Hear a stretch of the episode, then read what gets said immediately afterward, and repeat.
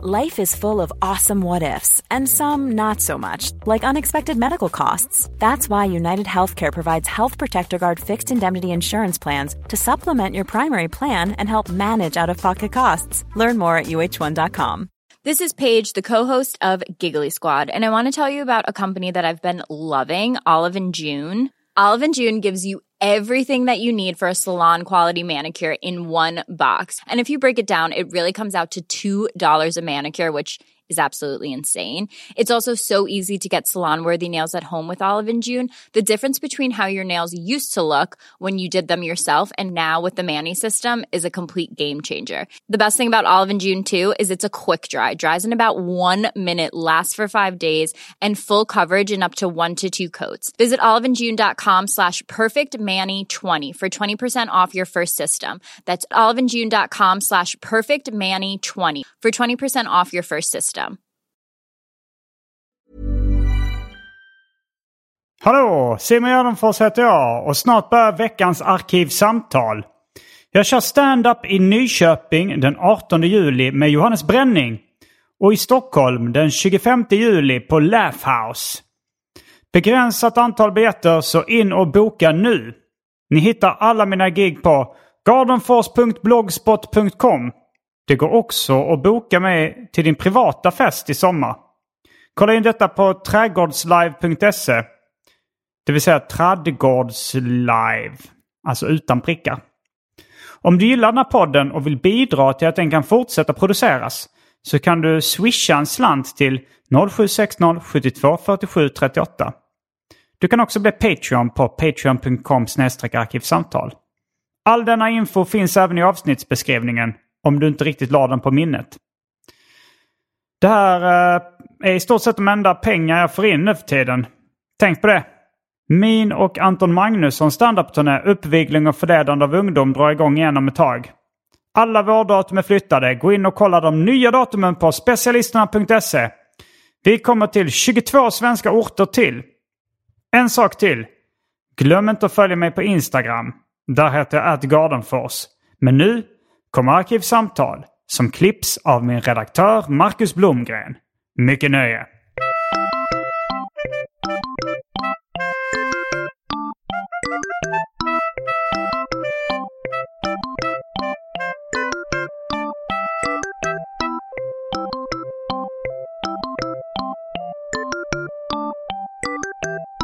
Hej och välkomna till Arkivsamtal. Jag heter Simon Gärdenfors och eh, på länk så har jag med mig K. Svensson. Hej, hej. Roligt att få vara med. Igen. Du är underground-konstnär Ja, och eh, allmän eh, lirare inom kultur och nöjesbranschen. ja men det är väl en bra beskrivning, ja. Ja, Mm. det stämmer.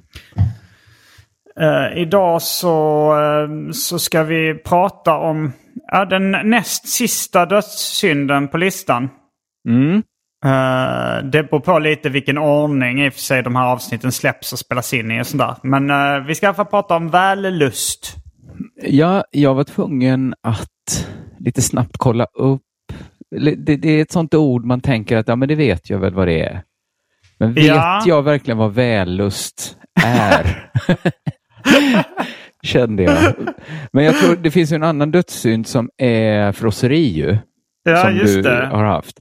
Men det, det, jag tänker mig att vällust skiljer sig från frosseri som eh, gourm, eh, gourmeten skiljer sig från gourmanden. Skulle man kunna säga så?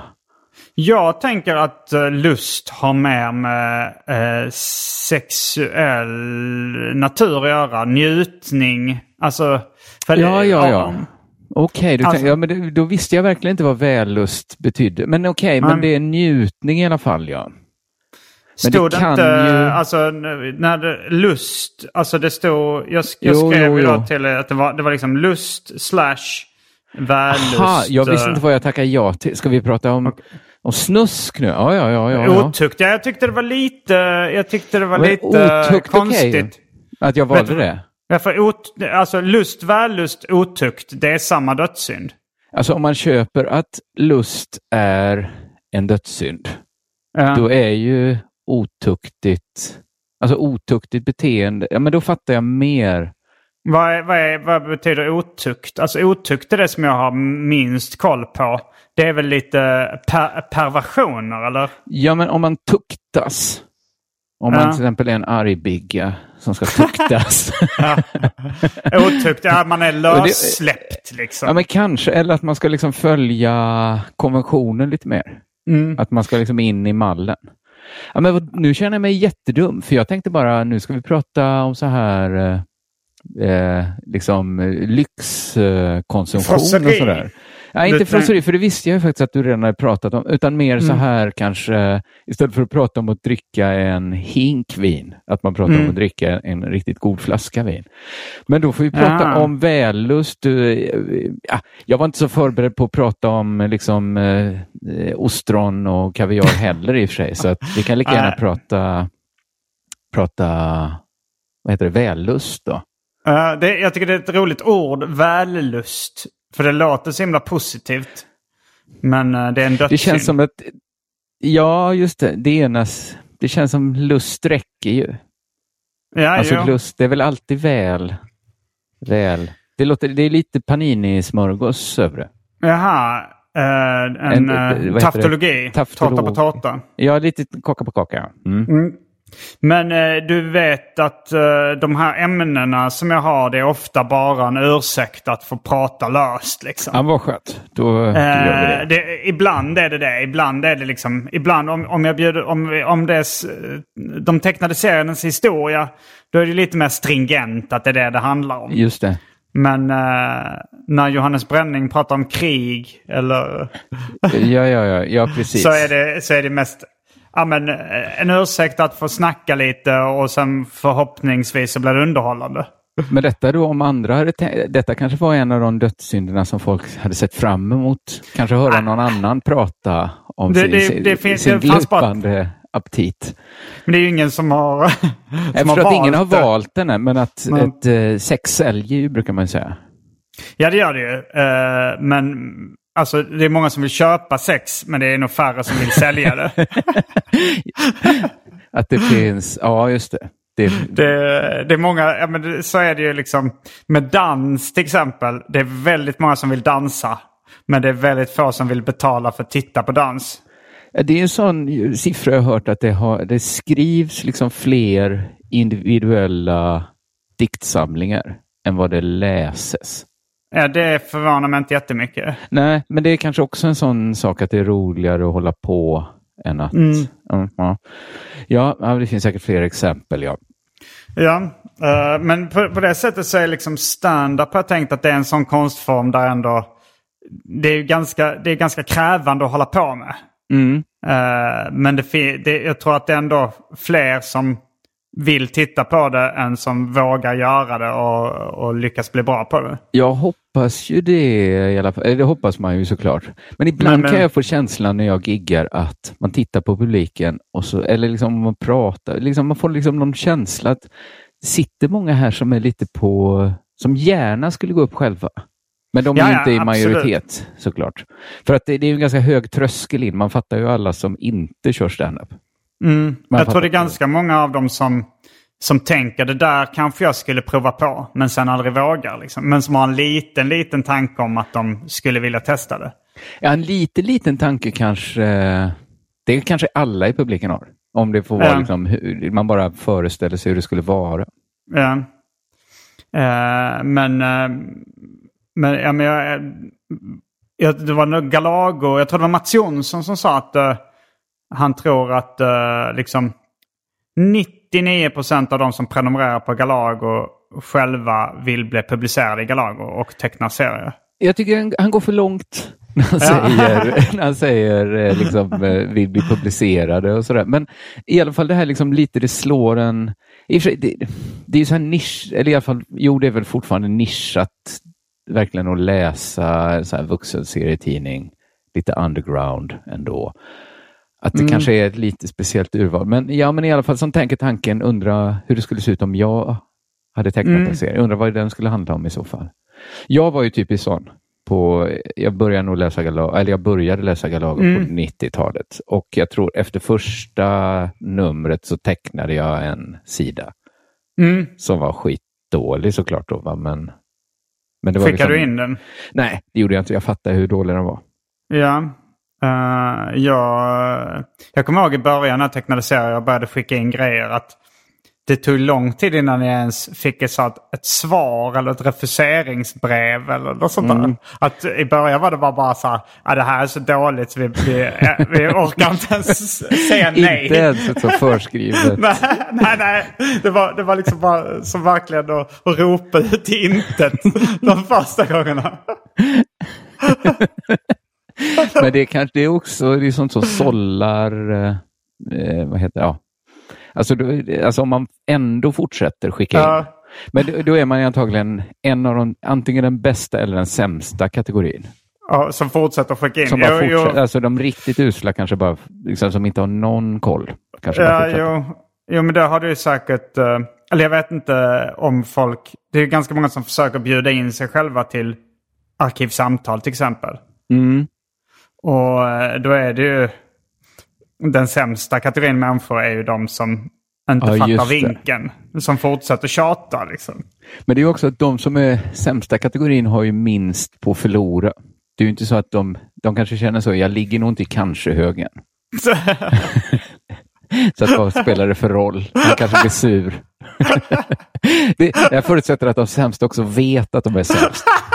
Men ändå fortsätter och ändå tycker de ska vara med. Tänk om Simon är galen. Tänk om han inte tycker jag är sämst.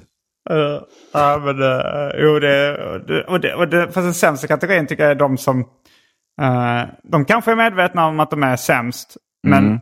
man, man, man, man liksom får en underton uh, av att de tycker att de ändå har rätt att vara med. Att det är deras ja, det rättighet. Det är lite konstigare, ja. Ja. Mm. Detta om vällust. Ja. Nu har det eh, blivit dags för det omåttligt populära inslaget Välj drycken.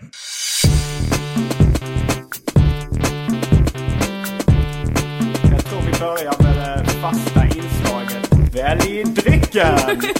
Och eh, eftersom vi sitter på varsitt håll så kan ju du presentera dina egna alternativ. Vad du har att välja på för dig själv. Ja, jag skulle ju kunna gå ut eh, till kylskåp öppet och kolla nu, men jag tror jag har lite koll. Vi, vi har mjölk hemma.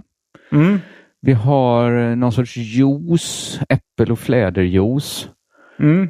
Och så har vi eh, vatten på flaska. Och mm. vad fan kan vi mer ha? Sen har vi eh, mörk rom av märket, mm. eh, vad heter det, Plantage? Nej, ja, något sånt heter det. Ja, var det, den, det var inte den du drack hemma hos mig någon gång? Samma? En liten... Uh, nej, nej, det kan inte vara. Hade jag med jag, mig min egen rom hem till Nej, dig? det var bara... Jag bara för mig att jag har haft... Det var kanske inte ens du och jag som drack den. Men jag för mig att jag hade en liten flaska rom som var god och som hette något i den stilen. Men, ja, men det, då kan det, det vara den. Något sånt Plantation som, eller något sånt heter det. Men eh, jag ser ju vissa kombinationer här. Alltså eh, rom, mörk rom och mjölk är ganska gott att blanda faktiskt. Alltså? Ja. Är det inte det de dricker i Corova Milk Bar i uh, ah, Clockwork Orange? Ja, men idiot. Tror du att de drack? Det var så länge sedan jag såg den nu. Jag tror de säger milk and att... drink rum. Alltså, jag... jag... Men vadå drink rum? Det känns ju som också en taftologi.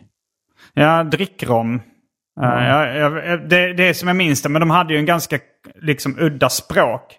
Jag, ja, jag vet inte om jag var pretentiös eller om det var bara den enda boken jag kom över, men jag läste den på, på engelska när jag var liksom tonåring.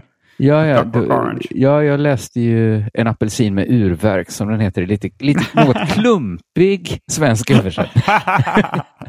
jag tror de har slutat med den översättningen. ja, för att redan, det är, det är illa redan när man känner att titeln är illa översatt. kan, man tycker att översättaren skulle jobbat. Ja, ja, det är lite så här korrfel i rubriken. Då tänker man det här kommer vara slarvigt utfört. ja. Eh, ja, men... Så du kan jag, göra det? Ska jag välja alltså, dryck? Ja, men jag tänkte också komma in på att du kan ju göra alternativet eh, blanda mjölk och juice. Om du minns den gamla satsningen Muse. Eh, jag, jag minns den inte förrän du sa det. Nej. Men, men det var, jag vet inte om det var Arla aldrig, eller...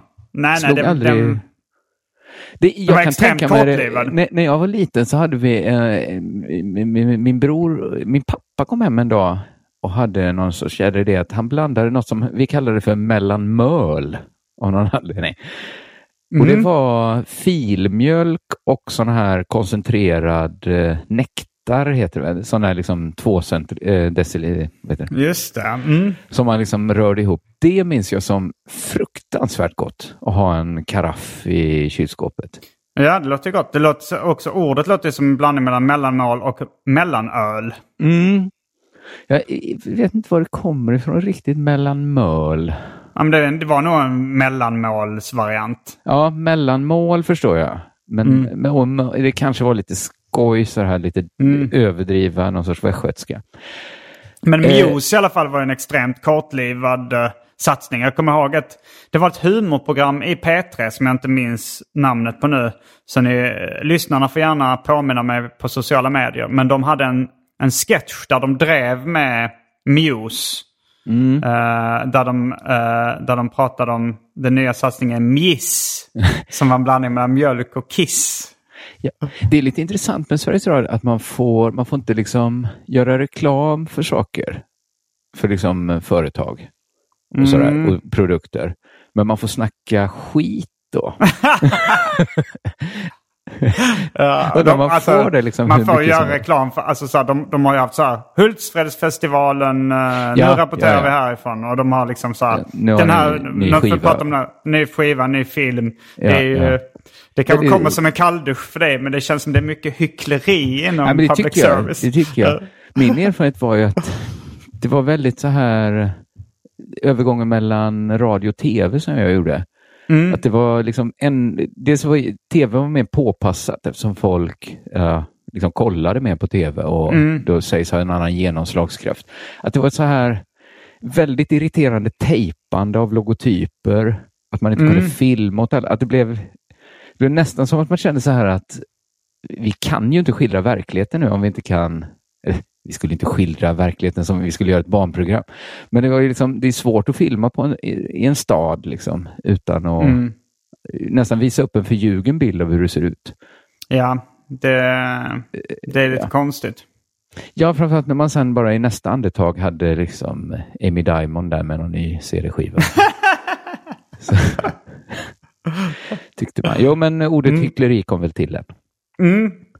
Så vad väljer du för, för dryck?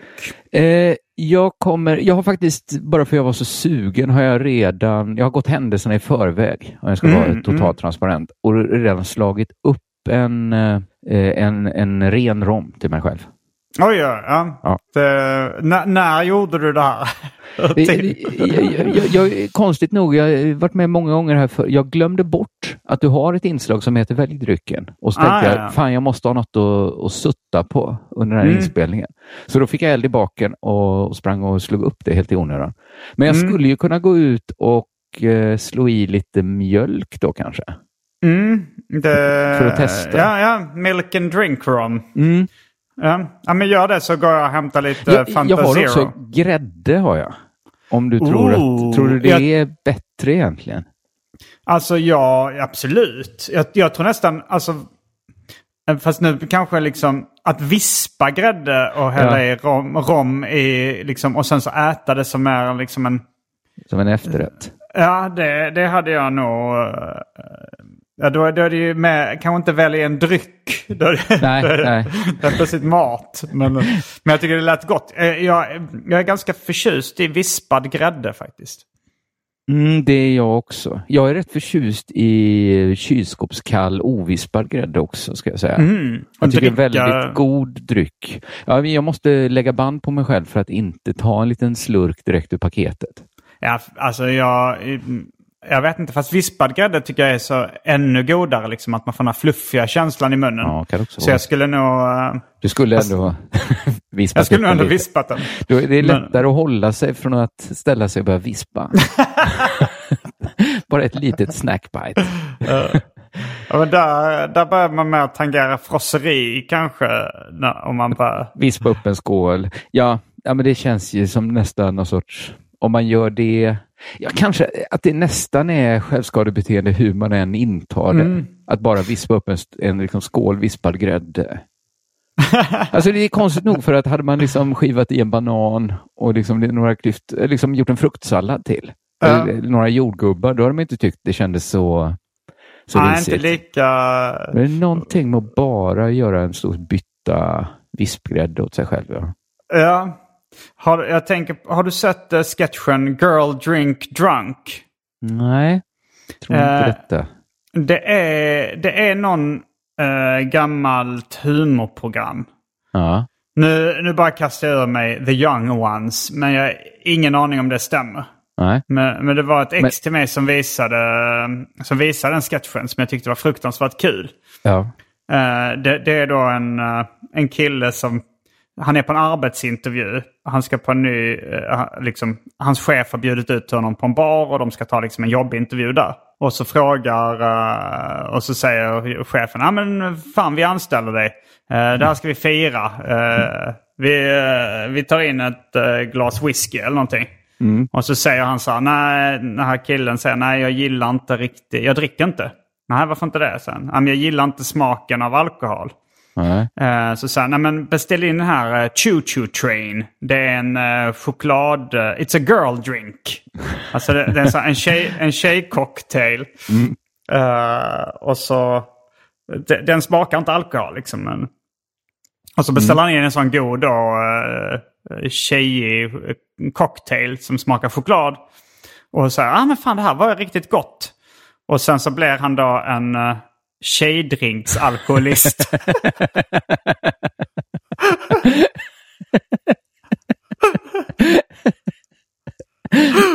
och så är det så här på hans nya arbetsplats att de, liksom, de öppnar något materialförråd och där sitter han liksom och river en kokosnöt någon slags ananasdrink. det var väldigt, när du berättade så här och liksom hela upplägget. Så det känns liksom som, eh, som så här schacköppningar. Man visste inte riktigt vart, vart ska den gå. Den här liksom, ska han bara bli full och sumpa jobb? Nej, det är nog lite smartare. Ska han bli liksom så här tjejfull, bli fjollig av det? Men jag tyckte det var väldigt jag tyckte det var rätt väg de valde. Ja, The ja, men den, eller den måste jag, ja, jag vet inte vilken det var, men jag måste kolla upp det. Jag tror jag hittade den på YouTube någon gång. Men jag tror man får söka på Girl Drink Drunk. Okay. Ja, jätteroligt. Ja. Ja, det är kul att den kunde funka som en rolig historia också, mm. inte bara som en sketch. Inte riktigt som en rolig historia. Nej, man måste nästan säga att det här är en rolig sketch och så får man tänka sig själv. Det hade varit bilden. konstigt att i så här har du hört den förut, att berätta. och så var det han som var på arbetsintervju.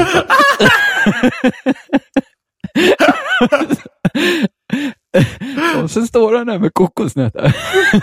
Konstig punch. ja, där sätter man lite fingret på hur annorlunda det är med liksom sketchhumor än roliga historier. Mm. Men jag hade inte bangat för scen, har du hört det förut, där liksom folk återberättar gamla sketcher? Jag, jag skulle nog nästan säga att jag skulle uppskatta det liksom hybridmediet mer om det var folk som var duktiga på, ja, jag tyckte du var duktig nu till exempel, men liksom måla upp sketchen. Ja. det, ja, där har vi något. Jo, det är, det är billigare att göra det i talad form.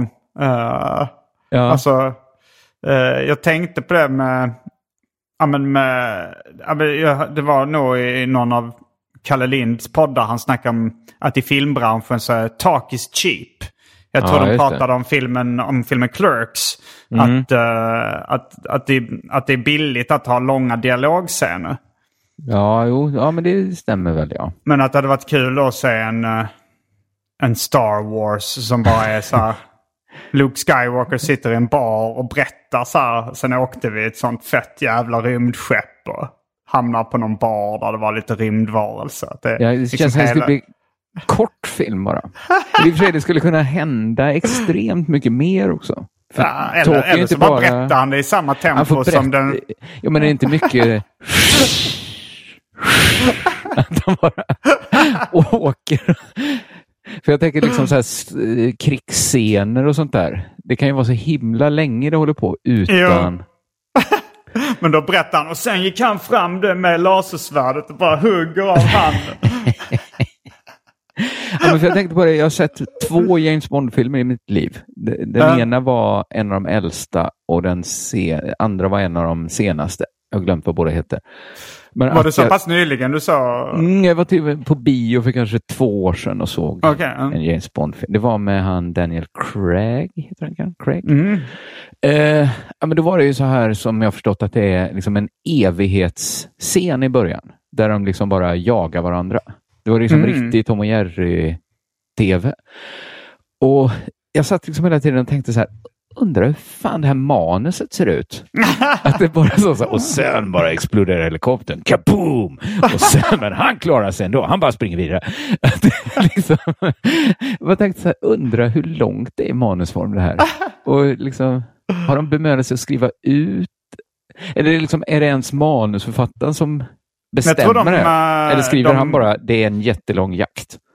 Men så jag är det- tror att de tänker rätt mycket bildmanus då. Och så, Mm, ja, så, så är det så anvisningar till den som skriver, skriver bildmanus. Lång så jakt, se bildmanus. bildmanus. Ja. Så är det säkert. Nej. Nej, jag vet inte. Men eh, det påminner i alla fall om, eh, det var, jag tycker ofta så här på fritids när man var liten så var det någon som liksom berättade om en film Mm. på det sättet. Eh, Jo, då var det nog mer det sättet än att man liksom citerade långa dialoger. Ja. ja. Jo, det var det ju. Man berättade vilka häftiga grejer som hade hänt. Ja. Eh, och det var ju så Star Wars. Jag gick på dagis när uh, Stjärnornas krig då hade gått på tv. Mm. Och då var det ju så att eh, det var många barn som kanske inte fick se det. Många som inte fick vara vakna så sent.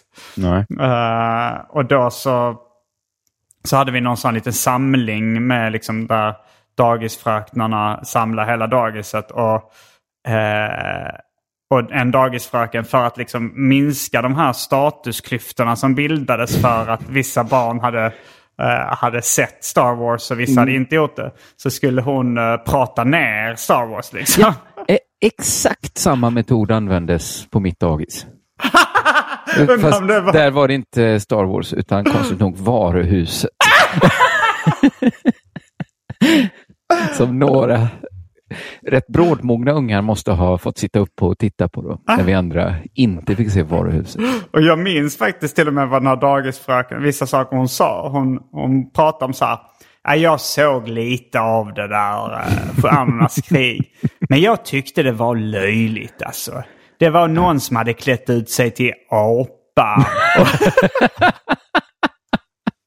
Hon har ju inte fel. Är Chewbacca verkligen en apa? Jag vet inte, jag har inte heller sett de här filmerna. Uh, ja, Henrik Bomander har gjort en serie om ungefär samma sak. eh, fast de är slängda i brunnen. Och att, Ja, ja, eh, att man återberättar det ja. Nej men att också att läraren, för att då eh, Henke Bromander och några av hans kompisar, de, de kom till skolan nästa dag och återberättade skämt om, eh, om från Slängde i brunnen. Mm. Eh, det var Henrik, Henrik då berättade om någon som, eh, anek, någon, någon skämt som han, Adde Malmberg hade sagt när han hade bajsat på sig och han tyckte det var pinsamt inför, inför sina kompisar. Att Och Adde Malmberg så- tyckte det var pizza. Ja, ja, Adde Malmberg. Det, det var något sånt där. Och så hade då Henke återberättat den. Och, och då blev det också så lite att, att eh, deras eh, skolfröken ville liksom inte att det skulle sprida sig. Hon kallade in de eleverna som kollar på Slängde i brunnen eh, efter skolan. Liksom, och, så, och så berättade att jag, det som du sa Hen- Henke, det du berättade, det, sånt tycker inte jag man ska prata om sådana privata saker. Man ska inte skämta om det. Som att man Oj, har säg skit- det, skitit på till, säg det till Adde Malmberg. Eh, och så tyckte hon att ni ska inte prata om det här i skolan för då sprider det sig kanske och att fler i klassen kommer att börja kolla på det. och sen så hade då eh, sen så hade det gått några veckor och Henke hade fortsatt kolla på Släng i brunnen och det eh, hade han fått uppfattning av att hans kompisar hade gjort också. Fast då hade, då hade de hade fröken kallat in dem igen till ett litet uppföljningsmöte. Så Eh, och då hade Henke ljugit och sagt så här. Nej, jag har slutat titta på det. Jag tycker det är ett löjligt program. Släng det i soptunnan skulle man kunna kalla det. att det är snyggt.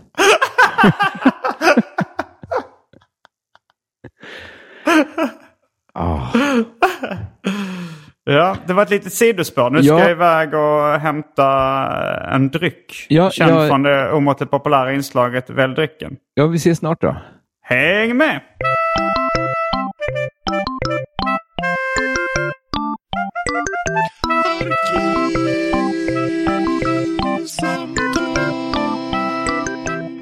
Då är vi tillbaks med dryckerna kända från det omåttligt populära inslaget Välj drycken. Och Ja. eh, jag har tänkt lite på ja, men dels otukt. Det får man väl ändå säga att eh, otukt mot barn har man väl hört. Alltså att det är något Ja, eh, så sexuella övergrepp mot barn. För jag, jag tänkte koppla ihop det här med Adde Malmberg. Ja, Nej, men, eh, du, eh, jag vet inte om du har blivit intervjuad inför en bok eh, som ska handla om eh, vår typ av eh, humor. Eller jag, jag tror det är en Eh. bok som kommer heta Provokatörerna. ja det har jag blivit. Mm. Filip Yfter Svensson, är det så han uttalar sitt Eh, eh, namn? jag vet inte hur han uttalar men det är så jag skulle uttala det i alla Mm. fall. Men, eh, men det, det, Svensson kanske det ska vara. Nej, jag skojar. Det, det är i alla fall på gång eh, att det ska komma ut. Det, det, det var nog tanken att den skulle släppas till bokmässan, det vill säga om ett par månader.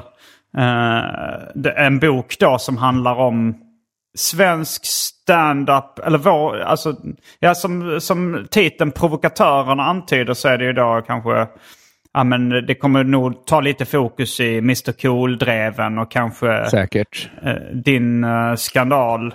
Säkert, ja. Eh, Yxan i fittan-gate som den så skämtsamt kallas. Ja, ja, precis. Men, ja, det, vad har vi annars för otukt att prata om? Nej, nej men jag tänkte för... Um, då, då han Filip berättade att han har intervjuat Adde Malmberg av någon anledning till den boken. Det, det kanske mer var så här, vad tycker den gamla generationen Ja, om den säkert. nya generationen? Säkert, ja. Men då berättade han att Adde Malmberg, eh, han, han var väldigt, väldigt eh, negativt inställd till den här typen av humor. Liksom, och Ja, ja, han det han gillade verkligen inte att, eh, att det ens vi höll på med. Då, då syftar han nog mer på mig och Anton. Mm. Eh, att, att det ens räknades som stand-up. Eller att vi var ens förknippade med stand-up-branschen. Hade han sagt att han tyckte det var fruktansvärt.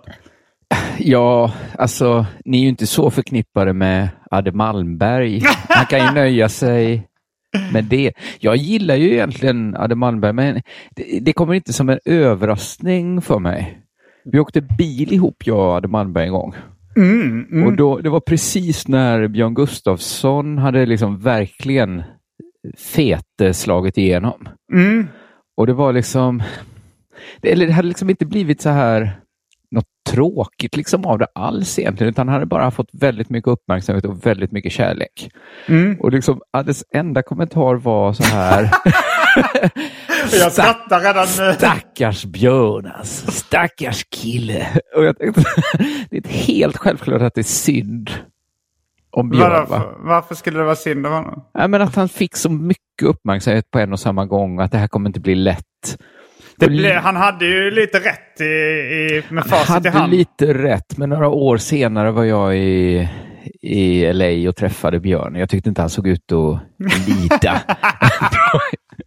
Kändes- Om jag hade fått välja Adde eller Björn hade jag nog tagit Björn ändå. Ja, jo det hade jag också. Men det, men det är alltid så här... eh, Ja, det, det är en svår avning. Jag tror faktiskt... Jag har också träffat Björn i LA och då har han ju berättat om...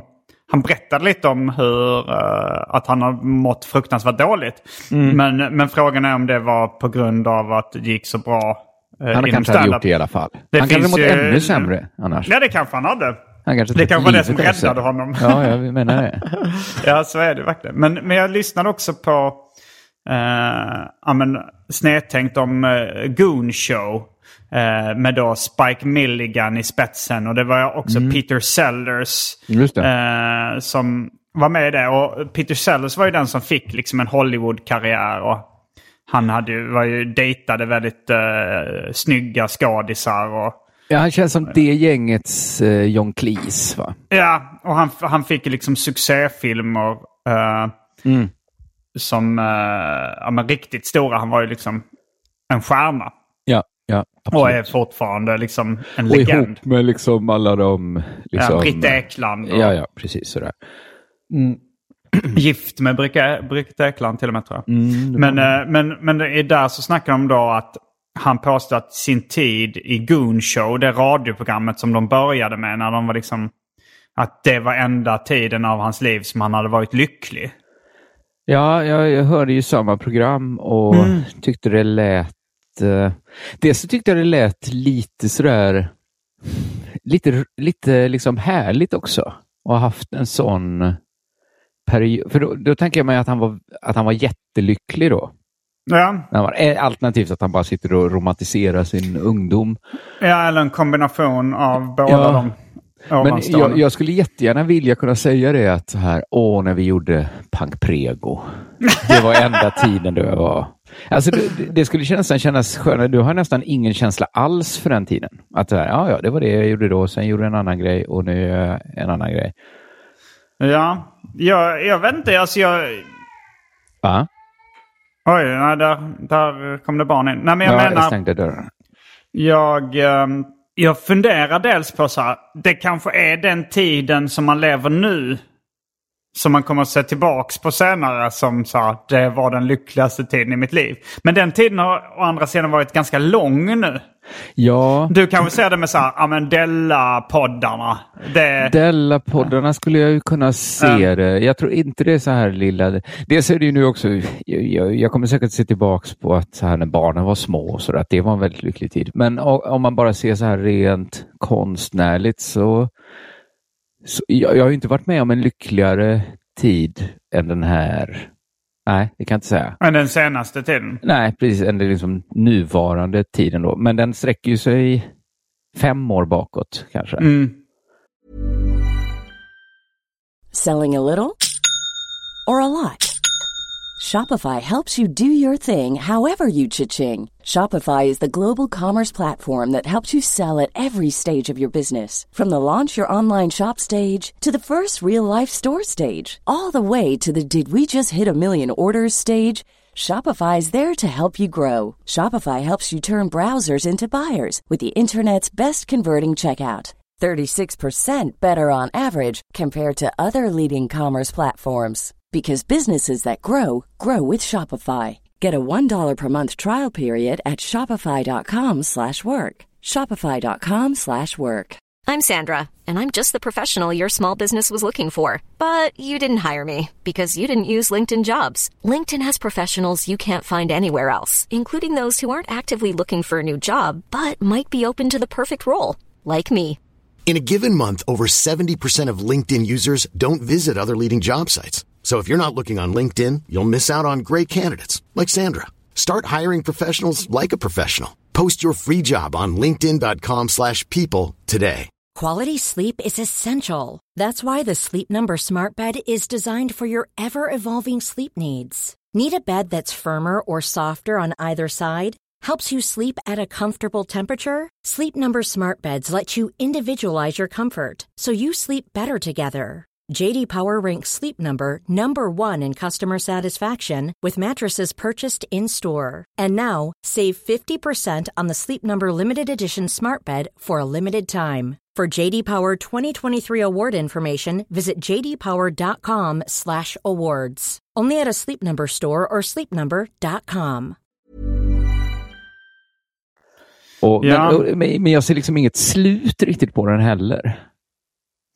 Nej, det, det när man, när man liksom kan styra över sina egna grejer, liksom som sina poddar och YouTube-grejer och sånt. Då, då är man ju lite...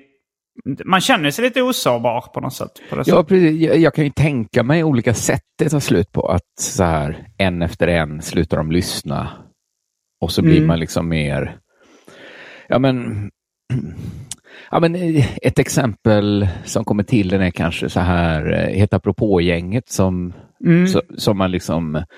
Ja, vi har ju träffat Kryddan båda två och eh, de- de är ju liksom Mm. jättetrevliga och härliga människor. Men de stod ju så extremt högt upp på sin topp Ja. när de hade det. Eh, alltså att de säsong efter säsong gjorde de ett så stort humorprogram. Ja, men då känner man forts- kanske sig, man känner sig mer som en loser då när man, om man ska liksom, om någon av dem skulle göra en podd eller jag vet inte.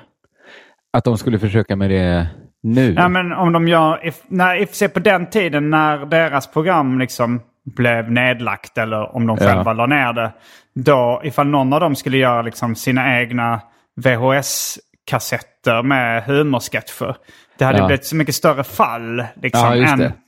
Än när liksom Eddie Meduza släpper sina humorsketcher. Då, då är det mer i linje med vad han har Mm. gjort innan. Liksom. Det är ingen som tycker så här, ja men fan nu har, nu har du gått ner dig liksom. Nej. Nej, men så är det ju såklart. ja. Men det var ingen som tyckte det, gå från radio till att börja göra podd, tycker ingen är att nu har du verkligen tappat det va? Nej, Kanske Det- lite. Jag vet inte, men radio har ju ganska mycket lägre status nu än vad det hade. Ja. Men Det var också så här när det kändes som att Lilla Drevet var bättre än Tankesmedjan. Då var det svårt att liksom... Och det fick så otroligt mycket lyssningar och blev så hyllat liksom. Då var det också svårt att säga att det var ett loser move och starta Ja, någonting Nej, som var bättre. Det blev, nej, precis. Man får ju väga in det. Hade kryddan börjat släppa liksom, humor-VHS och sålt med Mm. små annonser i tidningen och det hade Ja. liksom slagit helt apropå. det, liksom, då hade det inte varit ett loser move såklart. Nej. Nej. Men det är jag ofta det. kalkylerar inte ens med risken att det kunde vara ett loser move när vi gjorde Lilla Drevet. Det känns nog inte, trots att det var nog... Jag har nog aldrig känt att så här, karriären tagit sådana liksom, hästakliv framåt som när vi körde igång Lilla Drevet. För det liksom eh, gjorde ju att man kunde liksom börja ha egna turnéer och allting. Mm. Men, men jag tycker ändå inte, det borde varit, jag borde minnas det som en väldigt lycklig tid, men jag minns det inte som sådär fruktansvärt lyckligt ändå. Jag tror jag är lyckligare idag. Om jag Mm. nu ska tänka så Pete Setters. Alltså det var åtta år sedan ungefär, eller vad det kan ha varit. Uh, ja, men något sånt. Sju år sedan jag började med stand-up. Eh, och jag har ändå en lite så romantiserad bild av precis de här första tiden när liksom eh, när det var helt nytt. Jag började hänga där på liksom maffia comedy. Eh, stora maffia backstage med Albin och Anton bodde i Ja, Stockholm ja, ja. då. Elinor Svensson och Pelle Helgesson och Lisa Eriksson. Och det är liksom den, vår klass liksom. Eller vår, Ja, ja, jag har ju skolklass. samma alltså. Och, då, ju- och där så satt man där kvar och drack öl i de liksom mysiga källarlokalerna. Och det, det har jag faktiskt en sån romantiserad... Det, det har jag också. Och den Bild av. o- orken att kunna prata så mycket stand-up. Att nästan inte kunna prata om något annat. Det Mm. minns jag ju också som extremt. Men också kanske... Och sen gjorde vi då den här The Äta Bajs Tour, jag, Albin och Anton. Och då kommer jag ihåg att det var liksom... Det var också det här liksom... Ja, men man kan minnas tillbaks till de här unga hungriga åren när vi, när vi sov på golvet i kompisars kök för vi hade inte råd till hotell. Och, liksom. och, det var, och, och jag tänkte på det för att när, eh, för då tänkte, då, jag minns det som att så här, oj, jag har aldrig fått så här mycket skratt sen dess av en publik. Men sen, jag och Anton diskuterade att det kanske berodde på att man bara, för att då tog man liksom ett, alltså idag kanske det hade varit ett rätt vanligt gig att få så mycket skratt. Men, men när man började så var man inte van vid att få så mycket skratt. Så när man liksom för första gången mötte sin egen publik så, så tolkar man det som oj, det här, alltså det blir en sån jungfrusil på något sätt. Ja, för mig var det lite så här, lite besvikelse att få möta sin egen publik. För att det blev ju, det blev liksom Lilla Drevet-publiken och de var ju, alltså man kan ju inte generalisera så, men, men det var rätt många som var jätteintresserade av politik fick jag för mig. Och Mm, liksom kanske mm. satir. Men som aldrig hade varit på stand-up innan, hade noll intresse för det. Så jag tyckte Ja. det var lite, så här, lite stumt att köra för, jag minns liksom att köra för så gubbar och tanter på kallbadhuset i Malmö under Max regi. Mm. Att det, det var ju liksom, då, då kunde ju taket lyfta. Det är liksom inga, Jo, inga men här, när väl gubbar och tanter tycker någonting är kul, Ja. då skrattar de högre, än- mycket högre än uh, unga medvetna Absolut. hipsters. Liksom. Ja, det går inte att jämföra. Jag, hade, jag snackade med Niklas Lövgren om det, för han Mm. var med Eh, han var förkomiker, ja, dels är han förkomiker på min nu temporärt inställda turné. Mm. Eh, Bossa Nova, nej inte Bossa Nova, eh, utan eh, Prima Ballerina.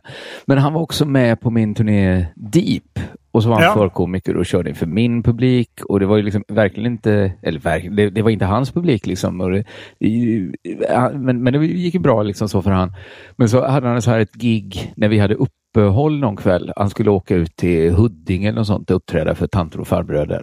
Mm. Och han liksom oroade sig för det och, och jag måste kolla över mitt material. Det kommer liksom inte, de kommer inte skratta åt de här snuskisarna och sådär. Och så nästa dag när jag träffade honom och vi skulle gigga så hade det ju gått liksom så jävla mycket bättre där än någonsin för min publik. Just för att de här tanterna och farbröderna var så skrattsugna verkligen. Eh, jo, det, det är någonting speciellt. Men sen, sen eh, det finns ju ofta en gräns när, eh, när de börjar hata en. Liksom de här gubbarna och tjejerna. Om man går över deras gräns Ja, för ja, ja. Vad, vad som är okej att skämta om. Eh, Precis, Då- det kan ju bli mycket tystare Ehm, också. Ja. Eller det- kan liksom vara tyst. Det kan vara tyst resten av kvällen, eller liksom resten av ens eget gig i alla fall. Ja. att man har liksom gjort något oförlåtligt.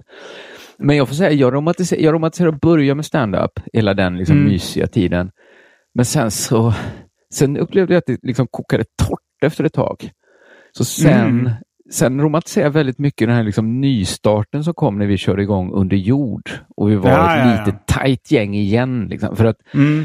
vi var ett gäng som började ungefär samtidigt, så körde vi i några år och sen så liksom folk flyttade och folk, vissa fick jobb och andra fick inte jobb och det liksom tunnades ut. Det var så jädra mysigt att få en till chans och så gå in i den bubblan och bara vara ett Mm. tajt gäng igen. Och då var vi Ja. ännu tajtare, vi var bara fyra. Ja.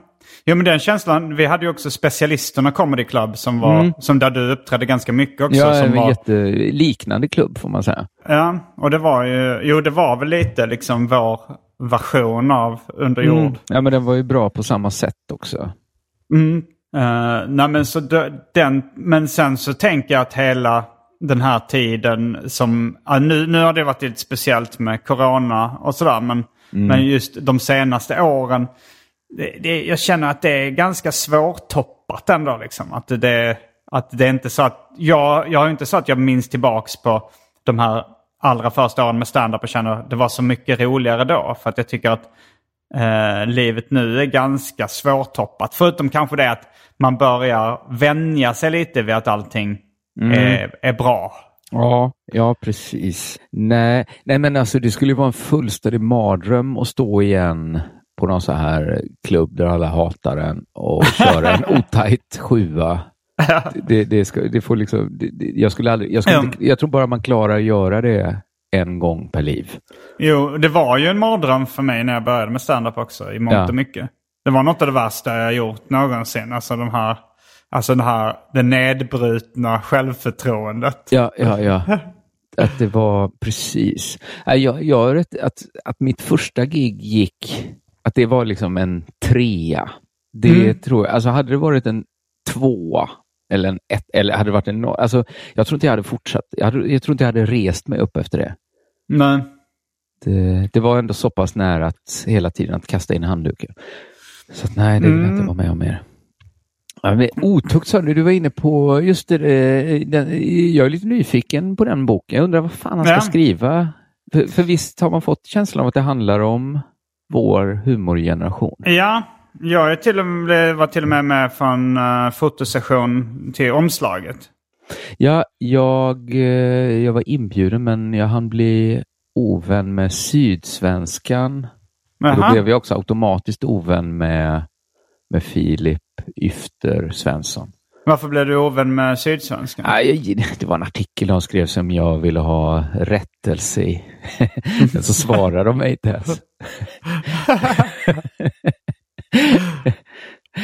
Jag vet inte om jag ens behöver dra det. Var väl såklart lite futtigt av mig att fullständigt explodera. Jag, jag blir nyfiken på Ja, det alltså, jag, jag har lite vana sådär att eh, hålla på att trakassera vissa journalister. Jag är arg på att jag kan fortsätta det rätt länge. Att ibland Mm. flyger fan i mig bara så går jag in och skriver ett så här DM till den här journalisten, bara skriver något taskigt. och så ser jag liksom skammen i att det är så många meddelanden från mig. Att liksom, journalisten inte ens har svarat. Nej, det var lite men det, det, det, är liksom, det är hämnd för någonting då. Det är liksom de har gjort någonting först mot dig då. Ja, ja, precis, precis. precis. Nej, men det- det var egentligen bara en klumpig formulering som jag ville ha ändrad. Så tyckte jag de kunde svara. Vad, jag var vad, ganska- var, det vad var det för Ja, men- formulering? Ja, men det var, det, det var en sån här artikel som handlar om min fru. Som jag, jag tyckte inte om hur den var for, formulerad riktigt. Det stod något så här att, eh, att, hon, att hon måste jobba för att försörja sin, eh, sina barn och sin man. så där, då, tyckte jag ändå det var höjden av fräckhet. Att påstå Att att, de jag... skrev, de att- skrev att att, hon var påstå- tvungen att jobba. Ja, precis. Att, att hon liksom hade blivit av med sitt jobb då. Så, hur ska hon nu kunna försörja sin man? Då tyckte jag ändå så här. Finns det någon rikare än jag? Tänkte jag då. jag var liksom så här. Jag vet att jag gjorde inte mig själv någon tjänst när jag skrev så här upphettade bara. Vet du vad jag tjänar? Så var det meddelande mitt i natten till den här journalisten. Men blev du arg på riktigt då eller var det, Ja, det att det var lite faktiskt. kul? Ja, men, eh, nej, men jag, eh, ibland när man märker så här att det finns liksom det finns liksom spår av fittighet. ja. Då, då blir man ju ändå arg för att Mm. det, är inte, det är inte bara... Alltså, jag fattar väl att folk eh, inte tycker om mig, eller det, det, det får jag veta typ nästan varje dag ändå. Att det finns de som inte gör det. Men du Ja, har ju och, en stor... och jag tror de är eh, hyfsat following. välrepresenterade i journalistkretsar också. Att de är inte så jävla glada med och jag, jag säger, alltså, det, det fattar jag om de inte är. Jag gillar inte dem heller, men men inte, sådana här liksom fula små tricks kan verkligen eh, göra mig irriterad, eller arg. Inte irriterad, bli förbannad. Ja. Ja, Jag, jag minns, jag, nu minns jag tillbaks på liksom eh, när jag var i serievärlden. Mm. Då tyckte jag att det var oftare eh, jag råkade ut för sådana här liksom små tjuvnyp Ja, som men folk kunde säga i massmedia. Ja, och som- då kunde jag också bli så här fly jävla förbannad. Ja, Eh, eh, om, eh, exakt. Det, det, är något så, eh, det är något så triggande med tjuvnyp. ja. Man, man, man liksom blir futtig om man reagerar på det. Men samtidigt, man vet att det finns något liksom bakom tjuvnypet. Att det är inte bara någon slump att det alltid blir så. Nej. Nej, men det var, det var, jag minns någon gång med, när eh, jag eh, höll på, i- jag hade gett ut eh, Simons 120 dagar. Ja. Och, det var, och det var lite så här, eh, eh, alltså vilket förlag jag skulle, skulle liksom ta den till. För den har fått väldigt mycket förhandsuppmärksamhet i massmedia. ja. Eh, Men det var ju liksom Rolf Claesson hade ett förlag då och Mats Jonsson var redaktör för Galago på den tiden. Mm. Och eh, de var ju lite konkurrenter då. Och, och, jag för, och, och liksom Kartago tror jag deras förlag hette då. Och, alltså Rolf Claesson och Galago hette det. Och Kartago frågade om jag ville ge ut den där. Och jag sa nej men jag ger ut den på Galago. Jag, liksom, Mats Jonsson har alltid stått mig rätt nära liksom. Mm. Mm. Eh, och då var det när Rolf Claesson blev liksom inbjuden till någon tidning, DN eller vad det var, och pratade om någonting helt annat. Ja. Då la han in ett, eh, ett tjuvnyp eh, Mm. mot mig. Och det, då blev jag fly jävla förbannad. ja, ja. ja, nej, men det, Och det var sånt, det var liksom ett tydligt spår av fittighet. Och det var helt... Det, artikeln handlade om något helt annat och han lyckades få in ett tjuvnyp. Och, ja, ja. Ja, jag vet inte riktigt vilken metod man ska använda om man ska liksom vara större än så. Hålla sig för god för det. Eller bara att inse eller att vilket kraft... hämnas. Nej, men jag menar att själv börja så här använda sig av tjuvnyp. Eller, Ja. eller liksom bara acceptera så här, aha, men det, det, det finns ju ett atomvapen här som man alltid kan använda. Jag kanske borde bli bättre på tjuvnyp. Ja, du menar att tjuvnyp är ett atomvapen? Ja, att man borde liksom kanske liksom använda sig mer av det. Eller så, ah, jag försöker mest inte ha så mycket aktiva konflikter. istället. Nej, alltså det, det... Jag tycker väl oftast att det är så här att... Eh, ja, men jag vill eh, ägna tid åt mitt arbete liksom. Eh, och, och försöka ignorera konflikterna. Men sen är det ju inte alltid det går om man blir så jävla arg. Liksom. Ja, men, sen, men sen vissa, vissa kan ju använda det som bränsle i sin kreativitet. Alltså så här, Mm. vissa rappare som kanske gör disslåtar och sånt där som kan bli rätt bra. Och Strindberg hade väl också... Om man tänker så här... som så när- disslåtar och Strindberg känns så himla långt ifrån tjuvnyp. Att de nästan alltid tog fram storsläggan. Ja, men det kanske började med något tjuvnyp och, och sen svarade den andra med storsläggan. ja, men man borde svara med liksom tjuvnyp egentligen eftersom det är så jävla giftigt.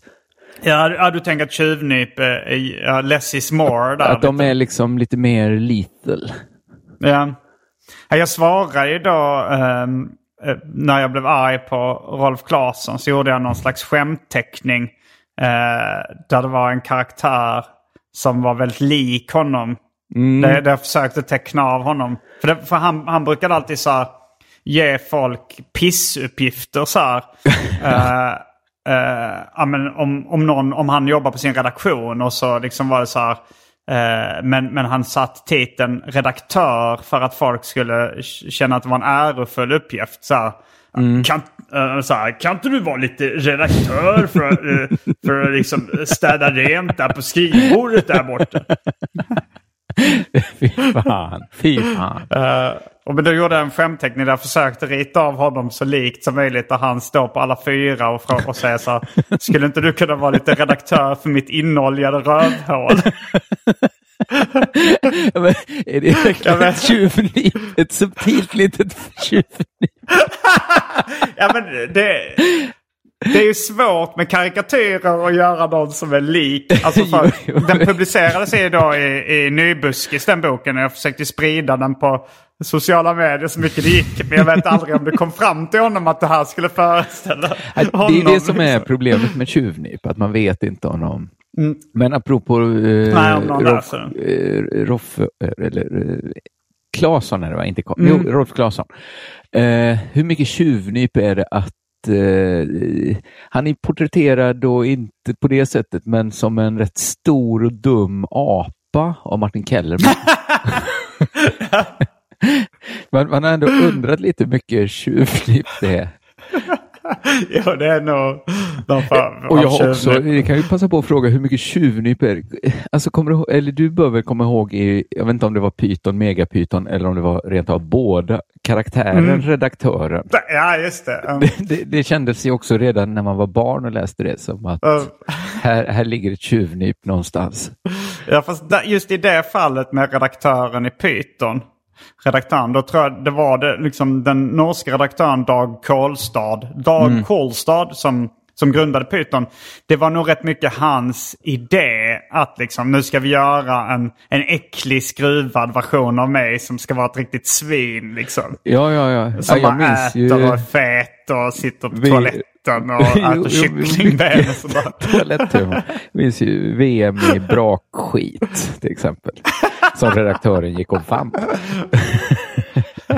Han var inte ens med. Han var satt bara på toaletten. Ja, det, det, blev nästan, liksom, nästan en uttjatad slutkläm. Att det kom in någonting med hur äcklig redaktören var. Men jag skrattar ju fortfarande åt det. Så att Ja. något hade Men det. jag har för mig du har sagt någon gång att du inte är så förtjust i kiss och bajshumor. Nej, det är jag ju inte heller. Vi, jag tror vi pratade om det här. Vi gjorde ett avsnitt om prydhet, du och jag. Ja, just det. Men, Men, nu men så det var du ändå... bra men, men, jag vet inte. Jag, jag, jag tror faktiskt så här att, att mina barn och min hund och min katt och alla andras avföring jag sköter Aha. har liksom eh, botat, inte, jag ska inte säga botat mig, men tillfälligt i alla fall eh, liksom släppt den blockeringen lite. Aha. Jag skulle fortfarande inte dra så här fekalieskämt.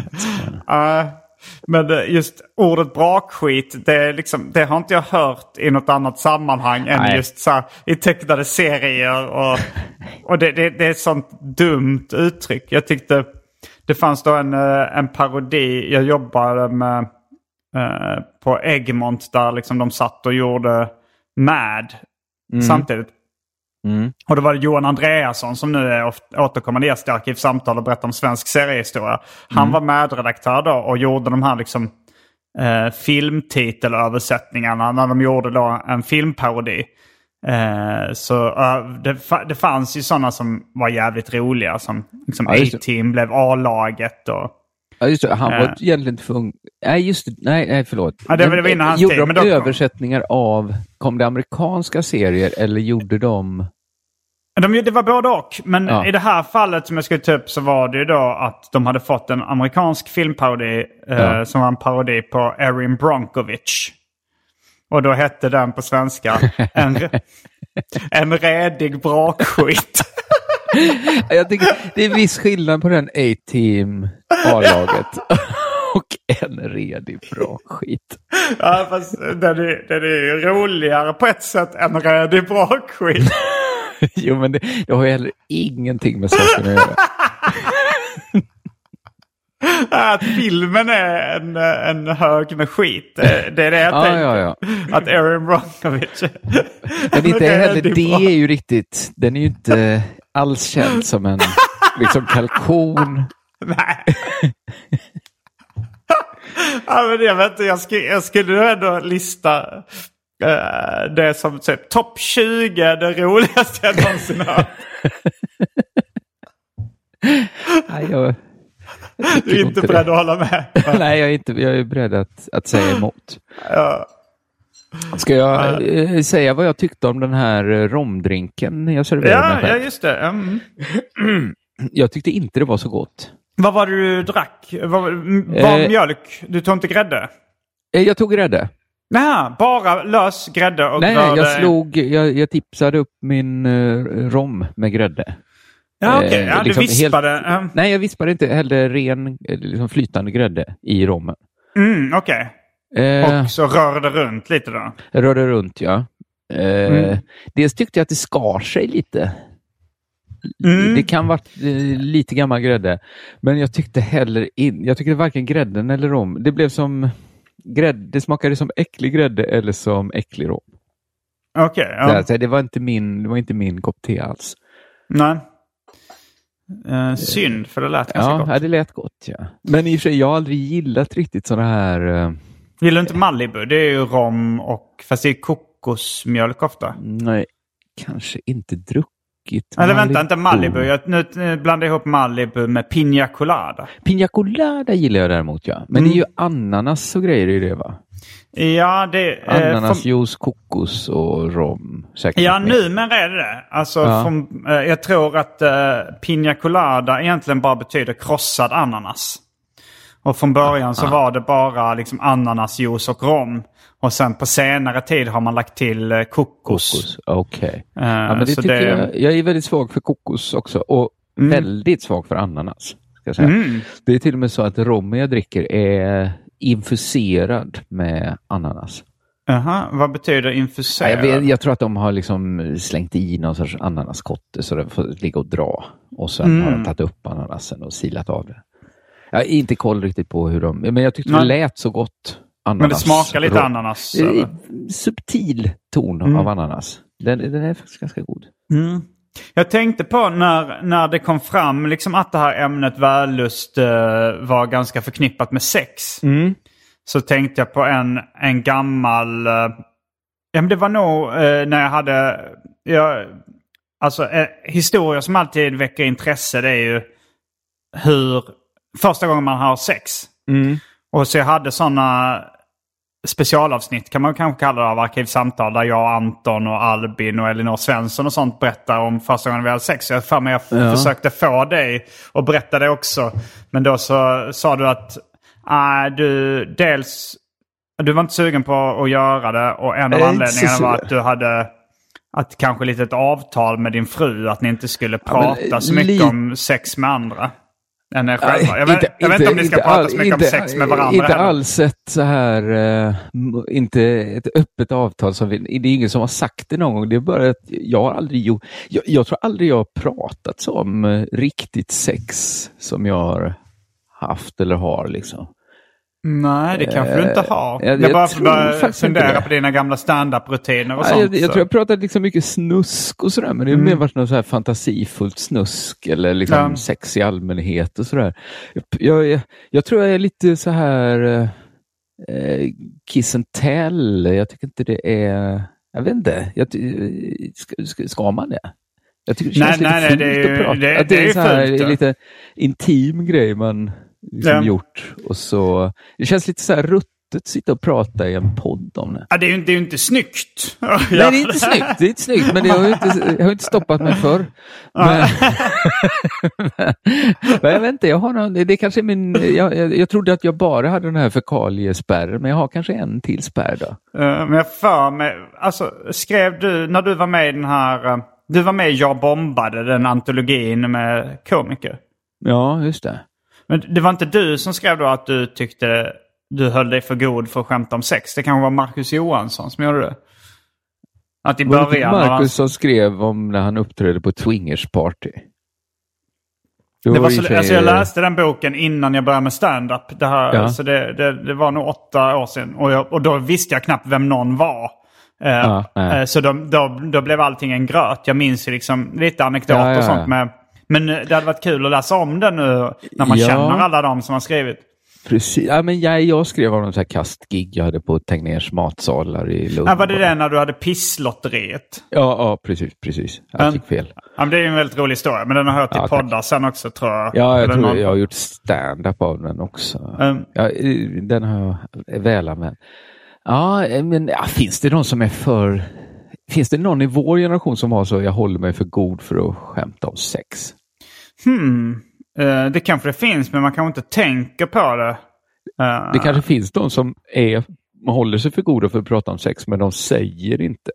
Alltså jag kommer ihåg Ola Söderholm, han har ju sagt att han tidigare höll sig för god för det. Men sen så gjorde han en helomvändning och liksom Mhm. började prata jättemycket om sex och tyckte det var roligt. Ja, ja, precis. Sen hade han ju februaripodden som bara handlade om sex.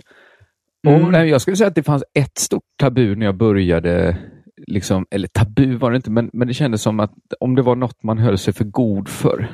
Det var lite så här Mm. tidsandan kanske, men, men det var ju att ha så här manligt och kvinnligt spaningar. Ja, Det känns, det känns väldigt harmlöst nu, men det var liksom väldigt... Dels var det, kändes det liksom gubbigt, eller liksom, Mm. liksom boomer boomerhumor verkligen att hålla på Mm. så. Och dels så var det lite o, liksom uttalat mer eller mindre att det var liksom politiskt lite fel att hålla på så. ja. Men nu känns det som att, eh, att det har gått lite varvet runt. Att det, nu känns det lite kittlande att göra manligt kvinnligt humor. Ja, ja absolut. Uh, Chippen, Simon Chippen Svensson har kört mycket på det. Och jag, Mm.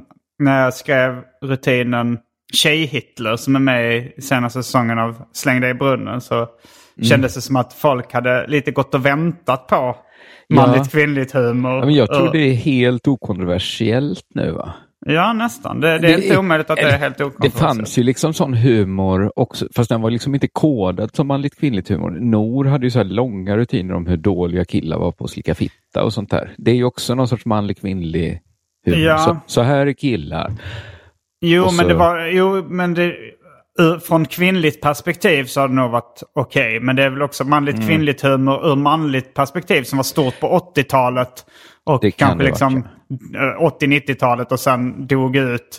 Och sen så nu när liksom jag då eller Chippen kör Ja. manligt kvinnligt så tycker folk att ah, fan, nu börjar det kännas lite fräscht igen för att det har Ja, varit tabu så, länge. För, nu är ni typ i den åldern där de tyckte var så Ja, jävla boomerhumor och stå och skämta om. Jag kommer att eh, Johan Rheborg hade någon föreställning som hette så här, hur tänker hon?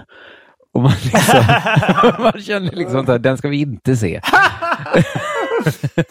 Men jag blir lite sugen, alltså det är inte manligt kvinnligt humor, men jag blir sugen på att se Turning Tossig med Adde Malmberg. Ja, ja. Jag har sett på Nöjesteatern i Malmö. va? Ja, just det. Att de står och ser lite tokiga ut. Och Tossig är då skånska för att vara tossig ut, tokig. verkligen. Ja, Ja. Och så står de framför Turning Torso i Malmö när, när den var hyfsat nybyggd. Jo. Precis. Jo, Men, men, eh, den skulle man ju vilja se såklart. Eller man skulle vilja få lite godbitar kanske. Ja, man hade nog... Det är ofta så med, också när man ska kolla på så här kultfilm och sånt där. Att, Mm. Att det, det, det känns som en bra idé fram tills eh, 20 Ja. minuter in i kultfilmen. Då är är ofta lite tråkigt. Ja, jag, jag är inte så glad i kulten då. Nej. Jag, Jag vill kommer ha ihåg, roligt på eh, riktigt. Minns du Fantastisk filmfestival i Lund? Eh, ja, det minns jag. Där var det mycket kultfilm. Men då kommer jag ihåg att de hade trailer shows. Att de bara klippte ihop liksom medley av gamla trailers. Och det var perfekt Ja. format. Det måste då ju fick- vara helt perfekt ja. Ja, det var fan fett. Nu, nu jag har aldrig varit sugen säga- på att se så, eh, vad heter det, så här Planet, eh, ja men så här gamla rymdfilmer och så här gamla zombiefilmer som man vet är kassa. Det, Nej, men det, det var perfekt. Det, det hette, ett, ett liksom sånt sjok hette Attack of the Flying Kung Fu Monster Trailer Show. Och det Ja, var det liksom en, en, av filmerna, en av filmerna var The Flying Kung Fu Monster.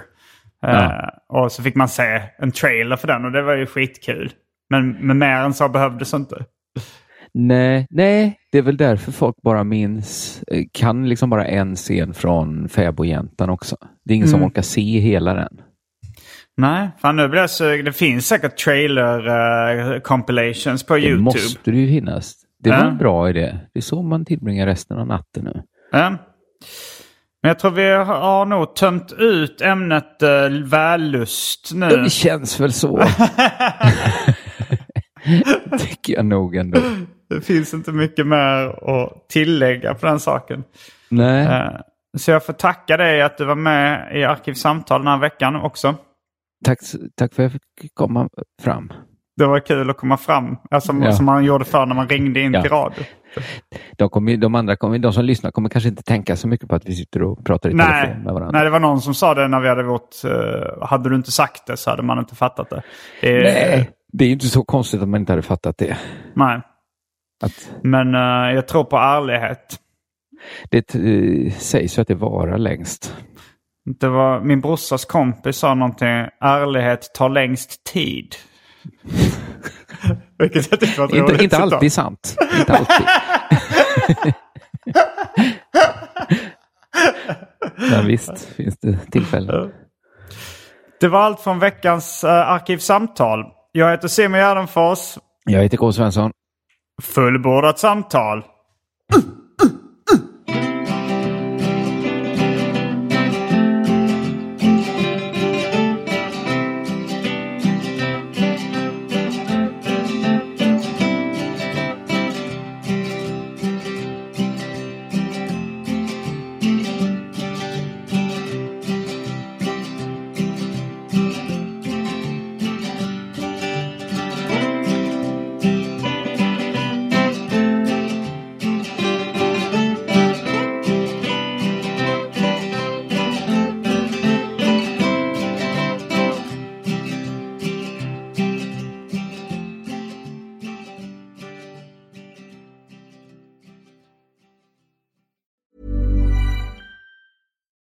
We're on a budget, we still deserve nice things. Quince is a place to scoop up stunning high-end goods for 50 to 80% less than similar brands. They have buttery soft cashmere sweaters starting at $50, luxurious Italian leather bags, and so much more. Plus, Quince only works with factories that use safe, ethical, and responsible manufacturing. Get the high-end goods you'll love without the high price tag with Quince.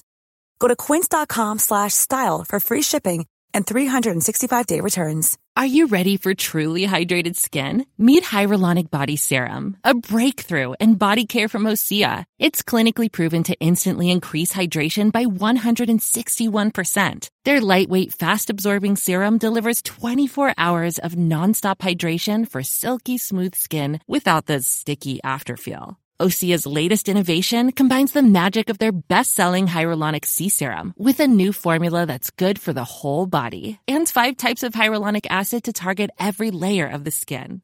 Osea is a women-founded, women-led brand that's been crafting seaweed-powered products for nearly 30 years. The best part? Everything Osea makes is clean, vegan, cruelty-free, and climate-neutral certified, so you never have to choose between your values and your best skin. Treat your skin to clean vegan skincare from Osea. Get 10% off your first order site-wide with code SUMMER at OseaMalibu.com. That's O-S-E-A Malibu.com code SUMMER.